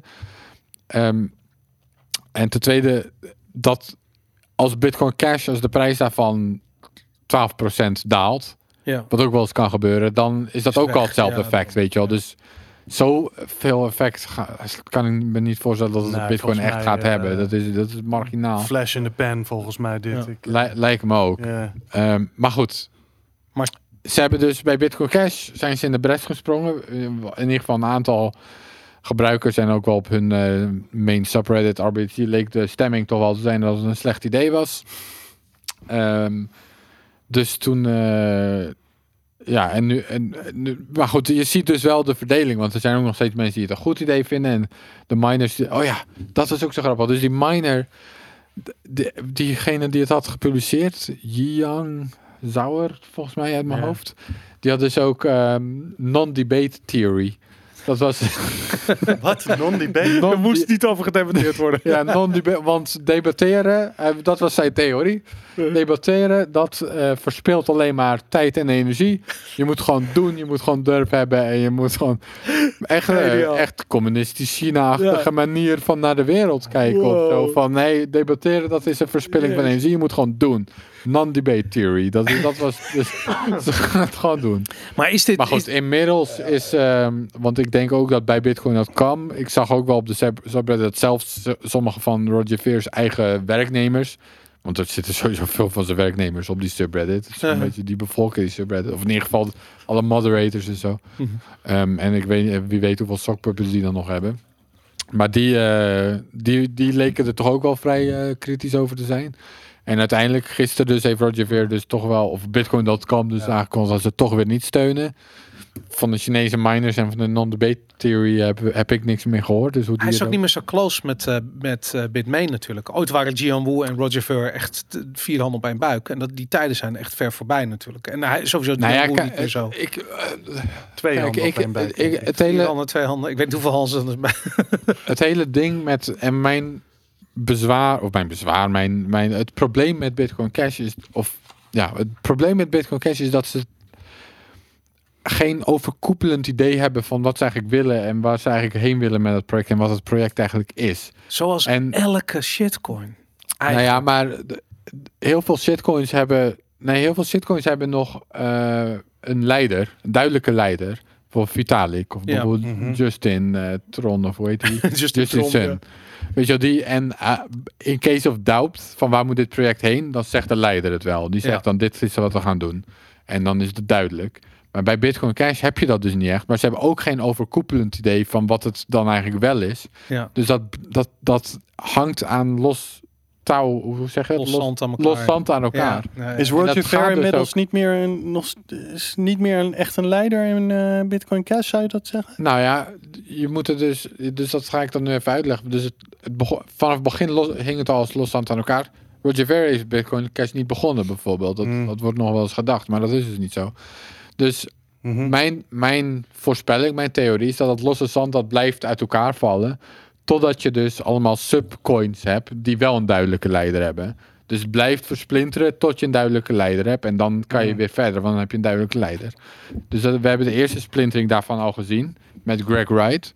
Nu, hebben ze- nu hebben we Bitcoin SV, dat is een duidelijke leider. Wat Ja. Greg Wright zegt dat die coin moet gaan doen en waar het heen moet, dat zal gaan gebeuren, want hij is de duidelijke leider. Mhm. Maar nu heb je bij Bitcoin Cash dus nog een paar competing mensen die allemaal eigenlijk de leider willen zijn. Dus Peter R. bij Bitcoin Unlimited. En aan de andere kant een beetje Amori. En dat zou je nog wel in hetzelfde kamp als Jihan kunnen zien, denk ik. Dat gaat uiteindelijk uit elkaar vallen. Dat, dat, dat kan haast niet anders. Dat worden ei- eigen coins uiteindelijk. Dus dan Mhm. krijg je een soort van Bitcoin Unlimited, Jezus. Bitcoin ABC. Voorspelling. En ik denk dat Roger Ver, die hangt er een beetje tussenin. Die weet niet zo goed wat hij wil. Die weet heel goed wat hij wil. Die is gewoon tegen Bitcoin Core. ja. Dat is het enige wat hem uitmaakt. Is dat Bitcoin Core. hij krijgt energie volgens mij van tegen dingen zijn, weet je wel. Niet voor dingen zijn, maar Klopt. tegen dingen Ja. zijn. Dat klopt. Dus nu heeft hij, heeft hij zijn motivatie gevonden in een soort van anti-Bitcoin core. Ja. Maar waar het dan heen moet met zijn eigen project. Hij, dus ik denk dat dat, hij valt er steeds een beetje tussenin. Hij was ook heel laat met toen die spanning tussen wat nu Bitcoin Cash en Bitcoin SV was. Is heel laat geweest met daar een standpunt in nemen. Weet je wel, terwijl het al lang aan het broeien was en terwijl het al lang duidelijk was dat, daar, dat het daar misging, bleef hij nog zeggen van nou, het komt allemaal wel goed. En dan Mm. weet je wel, hij geen positie nemen tot het echt niet meer anders kon. En toen uiteindelijk heeft hij dus gekozen van wat nu Bitcoin Cash is. Ja. En hetzelfde zie je nu weer een beetje. Dat dus die spanning tussen Bitcoin MBC en Bitcoin Unlimited. Want dat is het wel voor een groot deel nu. Dat die twee, dat daar, dat dat, dat dreigt te gaan splijten. En dan Bitcoin com, Roger Ver zit weer een beetje in het midden. Die wil vooral gewoon, Ja. die, die, wil, die is tegen Bitcoin Core, maar niet per se voor iets. Dus Ja. ja, ik vind het fascinerend. Het, het is echt een shitshow, of hoe noem je dat, een trainwreck in slow motion. Dat, dat- ik vind dat zo'n mooie. eh, je ziet het ook steeds gebeuren en alle bitcoiners zien het aankomen, omdat eh Bcash die, die, die, die, die waarde van dat, dat echt dat decentrale niet in, in, in, het DNA heeft zitten. Ehm, ja, Nou, het zou nog kunnen. Dus als ik nog één ander scenario mag speculeren, is. Kijk, als ze nu weer zouden splitten, ja. dan zou dat wel echt. Ja, ik bedoel, de, hoe. Zeg nooit nooit. Ik Nee, bedoel, precies, is vast maar- wel een gek maar- die er maar- geld in steekt. Nee, precies. Maar je zou wel zeggen van, nou dan, dat zouden ze nu zelf ook wel door moeten hebben van, dat is niet echt de winning formula. Ja. Dus het zou nog kunnen dat ze er nu, weet je wel, drie jaar te laat alsnog achterkomen van, hmm, Ja. maybe eh, die contentious hard forks, maybe is dat toch niet zo'n goed, eh, misschien is dat toch niet zo'n goed idee. Misschien moet je dan toch maar gewoon alles bij het oude laten, tenzij je consensus vindt. Dus Het, het interessante is, gaan ze die wijsheid vinden? Ik ben benieuwd. Wat ik er fascinerend aan vind, ze hebben een oplossing bedacht voor een probleem. Namelijk, ze moeten grote blokken hebben, zodat het schaalbaar is en weet ik wat. En vervolgens hebben ze alle basisproblemen die Bitcoin toen al overkomen was, hebben ze nog eens een keertje over zichzelf afgeroepen. En dat is zo. Dus ze zullen helemaal nooit toekomen aan het schaalbaarheidsprobleem, omdat niemand het gebruikt, omdat ze zulke fundamentele issues niet kunnen oplossen. En dat vind ik, dat is zo ironisch eraan. En ik snap eigenlijk ook wel dat, ik snap best wel dat developers het tof vinden en zoiets hebben van ja, ik wil Bcash ontwikkelen, want het is schaalbaar. Maar ze gaan er nooit komen. Ze gaan nooit op dat moment komen. En dat is ja, weird. Bizar. Daarom inderdaad, trainwreck in slow motion. Interessant. Goed, laten we doorgaan naar eh eh, PaySwap. Ehm, ehm, is een artikel gebaseerd, of tenminste, wat dit is, uh, Aaron, jij hebt op 23 januari artikel gepubliceerd. Bitcoinmagazine.com, link in de show notes. How PaySwap can confuse blockchain analysts uh, benefiting Bitcoin privacy for all. Ehm, ik heb het idee dat we het er al een keertje eerder over gehad hebben in een iets andere vorm. Kun je uitleggen wat PaySwap is? Ik denk niet dat we het erover gehad hebben. Oké. Maar ehm, ja, het is eigenlijk heel simpel. Voor mensen die een beetje op de hoogte zijn van hoe Bitcoin werkt, kan ik het zeg maar in één zin uitleggen. Het is een ehm, atomic swap met eh, ongelijke bedragen. Oké. Normaal gesproken, dus een atomic swap is dat je twee transacties aan elkaar koppelt. En normaal gesproken doe je dat bijvoorbeeld tussen twee blockchains. Dus dan kunnen we een trustless trade maken. Ik stuur jou Bitcoin, jij stuurt mij Litecoin. En dan doen we het op zo'n manier dat een, de ene transactie kan pas doorgaan als de andere transactie ook doorgaat. Of in ieder geval, ik- versimpel het een beetje, maar daar komt het op neer. Dus dan Uh-huh. kunnen we trusted traden. Johnson Lau, nee, niet Johnson Lau. ehm, oh ja, Siemens. Je Die ja. een iets ingewikkelder naam ja, de CPQR, eh ja. we noemen hem Siemens. Die, eh, die kwam nu eigenlijk met het idee, en het is eigenlijk haast opvallend dat niemand daar eerder mee was gekomen, dat je dus ook mensen op die manier kunt betalen. Dus nu als ik een transactie Ah, maak, ja. nu als ik een transactie maak, dan heb ik mijn input en dan stuur ik jou jouw output en dan stuur ik voor mezelf ook nog change in de change output. Maar in veel gevallen kunnen blockchain analisten dan best wel zien aan de transactie van oké, dit was een betaling en dat betekent dus dat deze inputs zijn van hem en dat was de betaling en dat is, die krijgt hij weer terug en dan weet je die, die kunnen daar een beetje mee gaan puzzelen en dan uiteindelijk als we dat met genoeg transacties doen, dan kunnen Mhm. ze allerlei dingen in kaart gaan brengen. Eh, het idee van PaySwap is dus eigenlijk dat we twee aparte transacties maken. Ik maak één transactie naar jou en jij maakt gewoon een hele andere transactie naar mij, waarin de change zit. En als we die dus aan elkaar koppelen, dan, dan ziet het er heel gek uit op de blockchain. Dan ziet het er namelijk eigenlijk uit alsof ik bijvoorbeeld Want er zit maar één input aan de transactie die ik maak. Dat is best wel vreemd. Dan lijkt het misschien dat ik geld naar een van mijn eigen wallets heb verplaatst. Of dat ik zoiets heb gedaan. Of in een cold storage. Eén output, sorry. Eén output. En dat ik dat misschien naar cold storage heb gestuurd. Wat ik er zoiets mee heb gedaan. Dat, dat lijkt dan waarschijnlijker. Of weet je wel, dat soort dingen. Het lijkt niet op een normale betaling. Terwijl de change die jij mij stuurt, dat lijkt juist weer wel op een normale betaling. Want daar zit gewoon een change output. Of ja, ik noem het change. Ik, Ja. Maar de hoe, transactie die jij mij stuurt lijkt op een normale transactie. Dus dan lijkt het vanuit een vanuit het perspectief van iemand die ons aan het bespioneren is, lijkt het alsof jij mij betaalt. ja. Terwijl in realiteit eigenlijk heb ik jou betaald en ook een ander bedrag dan dat, het, dan dat ze konden zien. ja, want stel je voor, ik moet jou één bitcoin betalen. Eh, ik maak er twee over naar jou en jij doet een betaling van één naar mij. En dan kun je Ja. dus niet meer, dat is, en er is geen change bij wijze van spreken. Dat Van is, jou is er geen change. Voor, nee, ja, maar bij mijne kunnen bijvoorbeeld wel change Ja, dat zetten. snap ik en dan, ja. dan, maak je, dan lijkt het dus alsof ik jou een bitcoin heb betaald. Terwijl Ja. eigenlijk heb jij mij een bitcoin betaald. Ja, Maar schieten we hier nou En- en- echt heel veel mee op? Nou, het is het. Nee, ja, kijk, het zijn, er zijn allemaal privacy-ideeën en dit is er één van. Ja. Deze heeft wel een paar nadelen die toch wel vrij. Die wel een beetje in de weg gaan zitten, denk ik. Namelijk, we hebben meer transacties nodig om een transactie te maken. ja. Normaal gesproken, als Ja, ik jou betaal, dan is het gewoon één transactie. Met een Atomic Swap, dan zijn er twee jouw kant op en twee mijn kant op. Zijn vier transacties. van de blockspace die je nodig hebt voor Ja, een transactie dus. Vier keer. Ah, oké, dat is best wel pittig. Dat is best wel pittig. Maar goed, het is, eh, het is gewoon weer een idee. En misschien dat er een of andere niche voor gevonden kan worden. Weet je wel, je hebt ook eh, die andere dingen. Payjoin, dat is ook weer zoiets. Mm. Ja. Weet je wel, dat... Oh ja, want een ander nadeel is dat het interactief is. Wat wij... Ik, je kan me niet gewoon een eh, adres sturen en dat ik je betaal. Nee, we moeten eerst even wat uitwisselen, informatie, voordat ik je Op een überhaupt bulletin betaling kan maken. of zoiets, dat verhaal wat... Ja, ik kan gewoon onderling hoor. Ah, Oké, oké. ja. Kan, gewoon. Je, hoe dan? Als Kan een wallet, zou dat ook nog Precies, dat doen, kunnen ja. wallets gewoon met elkaar doen. Ja, oké. Maar goed, de, ehm, zo, zo zijn er allerlei privacy dingetjes. Weet je, op Payjoy, noem het maar op. eh, Knapsack, en, eh, waar, ik het, waar ik ook over geschreven deze week. En CoinFusion ervoor. En, je en er zijn vast niche dingetjes waar je dit weer voor kan gebruiken. En eh, dan is het idee er gewoon. En als iemand het wel gebruikt, dan is het er. En het kan weer eens handig uitkomen. En hoe meer van dit soort niche dingetjes op allerlei verschillende plekken wordt gebruikt, hoe moeilijker blockchain analyse wordt. En hoe beter dat we voor eh, Ja. de mensheid en de wereld. Super. Ehm, maar eigenlijk, dus de, de Siemens had dit idee eigenlijk bedacht voor Lightning. In eerste instantie, want Lightning werkt sowieso al met atomic swap-achtige dingen, constructies. Dus, dus daar had hij het eigenlijk voor bedacht. Daar ga ik ook volgende week dan nog een artikel over schrijven. Ehm, en eh, daar is het ook eigenlijk iets beter voor. Omdat je dan dus niet die nadelen hebt met die vier transacties Ja, omdat het, het gebeurt toch allemaal off-chain. Dus dan maakt dat soort dingen allemaal niet zoveel uit. En het werkt dan ook een beetje anders, maar dat moet je volgende week maar lezen.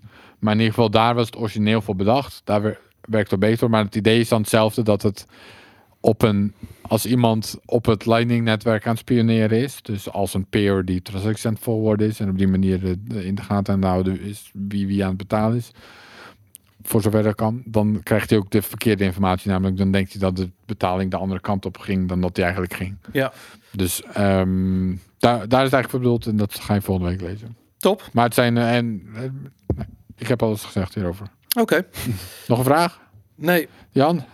Nee, Volgende volgens mij onderwerp. volgende onderwerp. The secretive company that might end privacy as we know it. Een artikel van 18 januari. Eh, en dat We gaat... zijn live trouwens, toch? Zijn we nu nee, live? het is, Oh, eh, is we het zijn niet gelukt? live. Oh. Het Oh joh, ik dacht dat we de tijd al live Nee, we zijn niet live. Het is Oh. niet eh, gelukt. Maar goed, dat neemt niet weg dat we wel binnenkort het een keer gaan Ik experimenteren. wou zeggen, anders kan iemand thuis nog een vraag stellen. Nee, dat Ja. gaan we sowieso niet doen, toch? Oh my god, ik kan niet.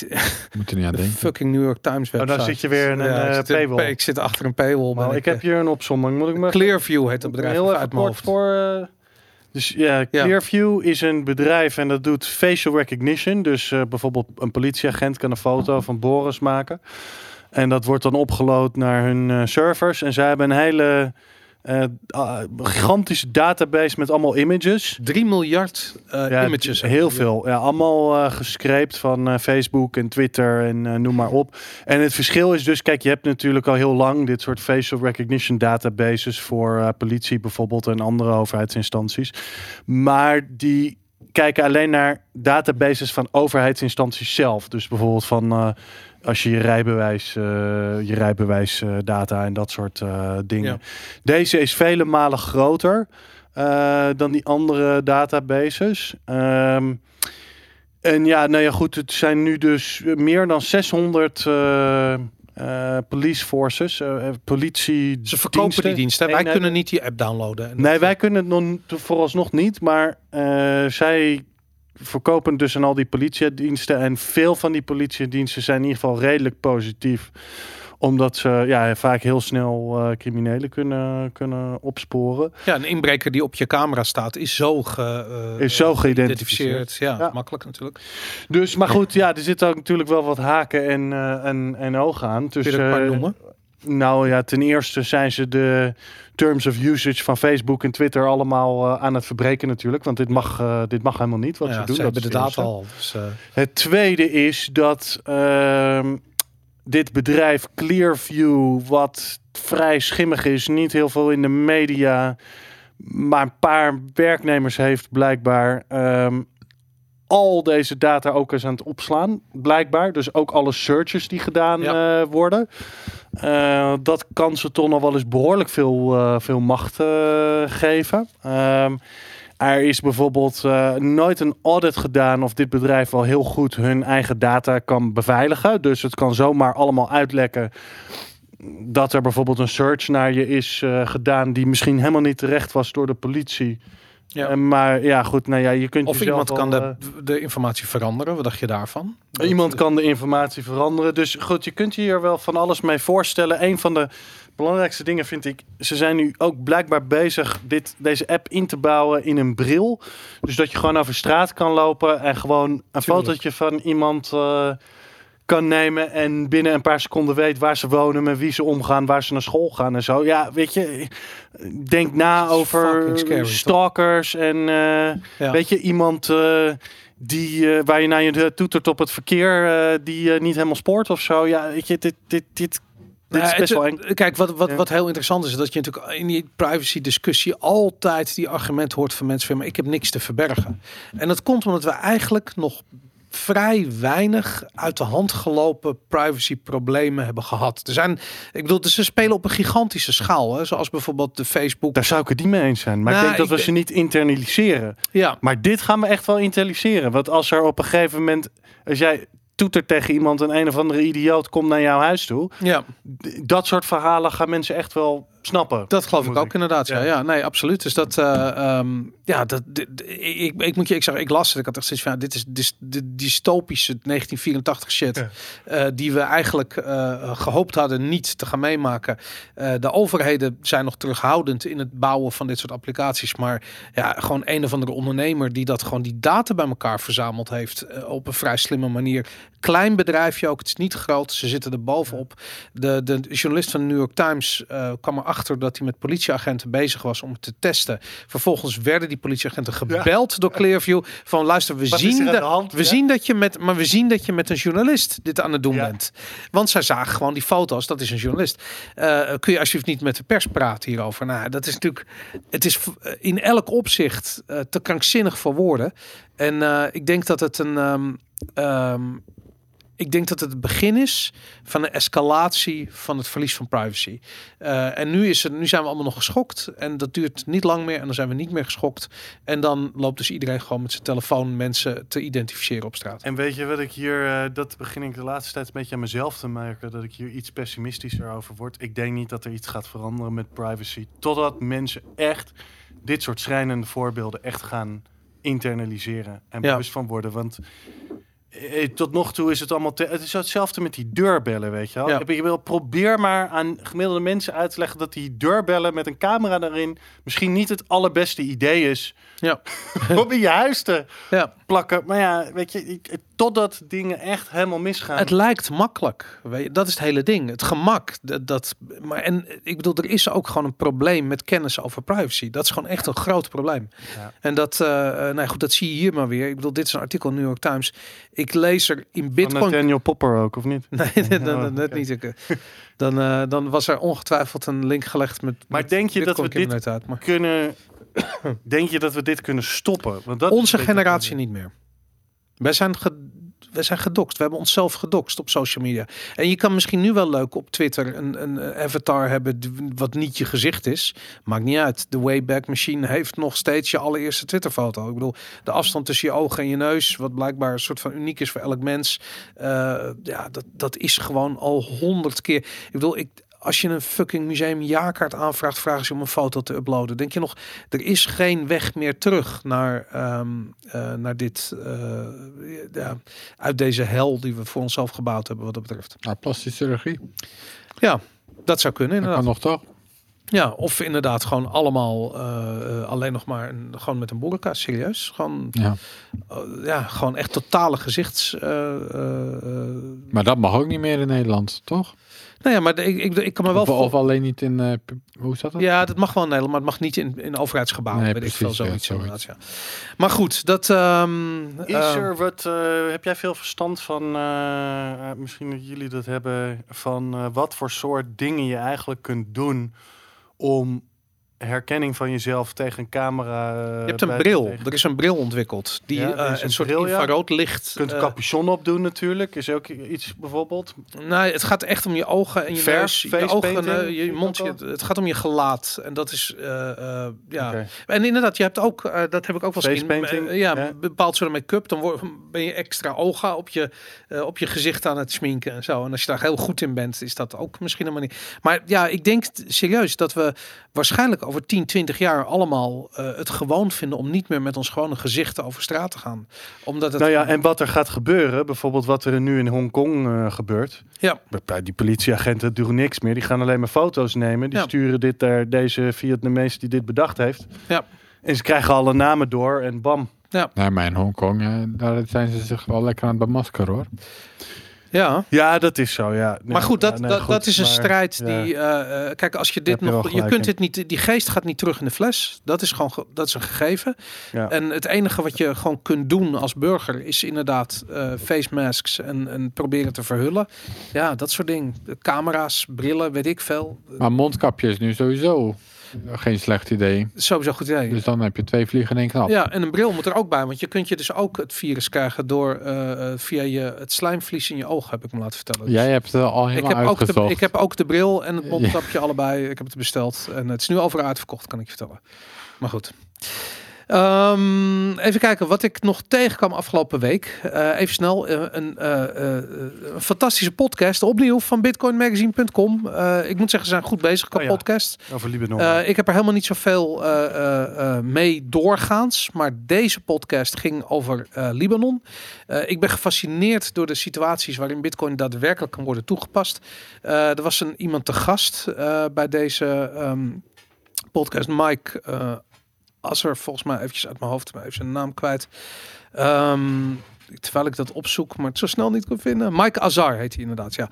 Ehm, hij, heeft een, hij is een financieel expert. Eh, hij, is een, eh, hij komt uit Libanon. Hij woont nu ook inmiddels weer in Libanon, maar is in Amerika opgegroeid. En hij legt eigenlijk uit wat er aan de hand is met, eh, met Libanon. Waarom die situatie zo uit de klauw aan het lopen is. Nou, wat blijkt, Libanon heeft een pact met de dollar. Dat hebben ze al heel lang. Eh, Libanon produceert zelf bitter weinig. Eigenlijk hun voornaamste resource is de gigantische diaspora die ze hebben. Dus de, alle, de, er wonen ik 10 miljoen Libanezen buiten Libanon. Die sturen dus heel veel geld met elkaar naar eh, de Libanese banken toe, naar hun familie. Eh, de Libanese bankensector die heeft eh, relatief hoge rente beloven ze aan spaarders die daar hun geld zetten. Dus dat, hebben, dat is ook jarenlang gebeurd. Ehm, ja, en dan op een gegeven moment bereik je dat moment dat je dus dat die Ponzi-scheme begint zijn eerste eh, ehm, breuken te vertonen. En dat is wat we nu dus zien. Dus de, de officiële koers tussen de eh Libanese, volgens mij hebben ze de lira daar, En de, eh, en de US dollar, die, ehm, eh, die is anders dan op de zwarte markt. Dat is het eerste teken dat je ziet van ja, er wordt gewoon ontzettend veel lokaal geld bijgedrukt. Meer nog dan dat er dollars worden bijgedrukt. Het is bijna niet meer mogelijk om al die mensen die hoge ehm, eh, rentes terug te betalen. Ja, het systeem begint gewoon te piepen en te kraken. En in, in dat systeem zie je nu dus een soort van crackdown op geld naar het buitenland. Eh, het wordt belangrijker om geld juist in het systeem te houden, want eh, eh, geld wat vlucht versnelt de, het instorten van de Ponzi-scheme. En ja, het is een perfect storm voor Bitcoin. Het is een, een land, wat ik al zei, er wonen 4 miljoen mensen, maar 10 miljoen Libanezen wonen buiten Libanon. Dat zijn over het algemeen hoogopgeleide Iets mensen. minder, geloof ik. Oké, ja, Ik 8 dacht 10 miljoen. 4 à 6 of zo, of 6 à 8 Nee, nou, nou goed. Ik heb net letterlijk gisteren of eergisteren die podcast Ja, gehad. ik ook. En eh, oké, Maar maar, goed. maar anyways, dat, eh, eh, wat het ook is, in ieder geval, het zijn hoogopgeleide mensen, eh, eh, vaak ook eh, niet ehm, eh, eh, onbekend met Bitcoin. Eh, en dit, dit is Bitcoin is een fantastische tool om. eh, Maar dat zegt hij ook, het wordt nog niet heel veel gebruikt. Kijk, die, die dollars accounts zijn over het algemeen redelijk bevroren. Je kunt er maar een klein beetje uithalen per, per maand of zo. Ja. En eh, ja, dus ze kunnen geen dollars meer opsturen uit die diaspora. ja, Dus ja, bitcoin is natuurlijk compleet voor de hand liggend om dan te... Ja, compleet voor de hand liggend. Het zal wel iets complexer, dat hebben we al eens eerder besproken zijn dan helemaal dat. Maar het is natuurlijk wel een aannemelijke oplossing. Maar de, de- het is nog steeds maar een hele kleine groep die dat gebruikt. ja, Dus de affiniteit met bitcoin is er gewoon. ja. Maar de, de crisis is natuurlijk ook nog niet echt losgebarst. Hij dient zich aan. Dus er zijn Nou, protesten. het is wel echt losgebarsten nu, ja. Ja, oké. maar het is maar net begonnen. Het is net begonnen. Weet je, in Venezuela zijn we al veel, veel verder. van klopt, ja. Zelfs in Argentinië, waar al de hyperinflatie heeft plaatsgevonden een keertje, is de bevolking al verder met adoptie van Bitcoin. En ik vind dat zo mooi dat je ziet gewoon van ja, Bitcoin wordt in al die gebieden waar het eigenlijk thuis hoort, waar het voor gebouwd is. Als nou Iran is of Venezuela of Argentinië of nu weer Libanon. Je ziet direct die verhalen opkomen van je ziet de problemen die mensen hebben, de uitdagingen die ze hebben om het kapitaal wat ze hebben veilig te stellen. Eh, je ziet altijd direct de overheid die eh, begint te graaien in eh, eerst in spaargeld door middel van inflatie. Vervolgens worden eh, als banken omvallen, wordt ook dat wat we in Cyprus zagen. eh, eh, geld wordt eh, ehm, ja eigenlijk mensen raken het kwijt. En dat is dat is steeds weer een terugkerend verhaal. Mensen weten dat ook. En dan, dan kijk je naar Bitcoin, heb je zoiets van ja, Jesus Christ, weet je dat het is gebouwd voor dit soort situaties. En als dat soort situaties zich voordoen, is het heel interessant om te kijken van ja, wat gebeurt daar precies? Nou goed, daar gaat deze podcast-serie over aan. Ik kan hem iedereen aanraden. De eerste aflevering ging over, dus over hoe de Ponzi-scheme van de Libanese Centrale Bank er precies uitziet. Ik hoop dat de tweede aflevering net zo goed is. eh, maar goed, ik, ik was aangenaam verrast eh, hierdoor. Ja, ik vond het ook leuk. Ja, het was, eh, het was iets minder over bitcoin natuurlijk. Vooral heel veel over Libanon en hoe dat ontstaan is. En, maar goed, het is dus eigenlijk de, de bron vooral van alles is die peg tussen de dollar en de lira. En nou ja, de- de- overal alle landen waar er ooit een peg is geweest, is- gaat dat volgens mij valikant mis op een gegeven moment. Of dat nou Argentinië of weet ik veel waar is. Of USDT. Ja, of US. ja, US. Maar daar gaat hetzelfde gebeuren, hè, zometeen. Want uiteindelijk is dat natuurlijk wel hoe het Zou werkt. kunnen. Het werkt op dezelfde manier. Maar goed, eh, ja, nee, dus eh, ja, nee, ik vond het ook wel interessant eh, om, te, om te horen. Maar goed, ja, nee, we hadden wat je zei. Venezuela zag weer een bericht voorbij komen, weer een record op local bitcoins deze week, of weet ik veel wat. Ja. Dus ja, dat, ja. Goed. maar doorgaan. Ja, het blijft doorgaan. Nou goed, ik vond het een, eh, ik vond het een mooie podcast. Jongens, we zitten inmiddels op... eh Ik vond dit andere- ook een mooie podcast. Ik vond hem ook leuk. Ja, Ja. We, waren, Jan, we begonnen goed. jij, eh, jij, jij, beste- jij hebt je twijfel. Ja, dat is beste tot nog toe. tot toe, toch? Ja. Vet. Nou, ik wil iedereen nog eventjes oproepen om eh, naar www.debitcoinshow.nl te gaan en onze eh, eh, tipping knop te proberen. We vragen niet eh, per se om geld, maar ik wil gewoon, ik wil dat jullie allemaal Lightning channels gaan openen. Ik wil dat jullie allemaal eh, ehm, ja, actief worden op Lightning. Ik, I, I love that shit. Maar alleen. Lightning dus. Waarom wil je geen on-chain tips? Omdat ik nog geen SL, eh, SSL eh, certificaat heb geïnstalleerd. Komt eraan, jongens, komt eraan. Komt eraan, binnenkort. Goed, je hebt gekeken naar de Bitcoin Show of geluisterd naar de Bitcoin Show. En we danken je daar heel hartelijk voor. Strong hand, everybody!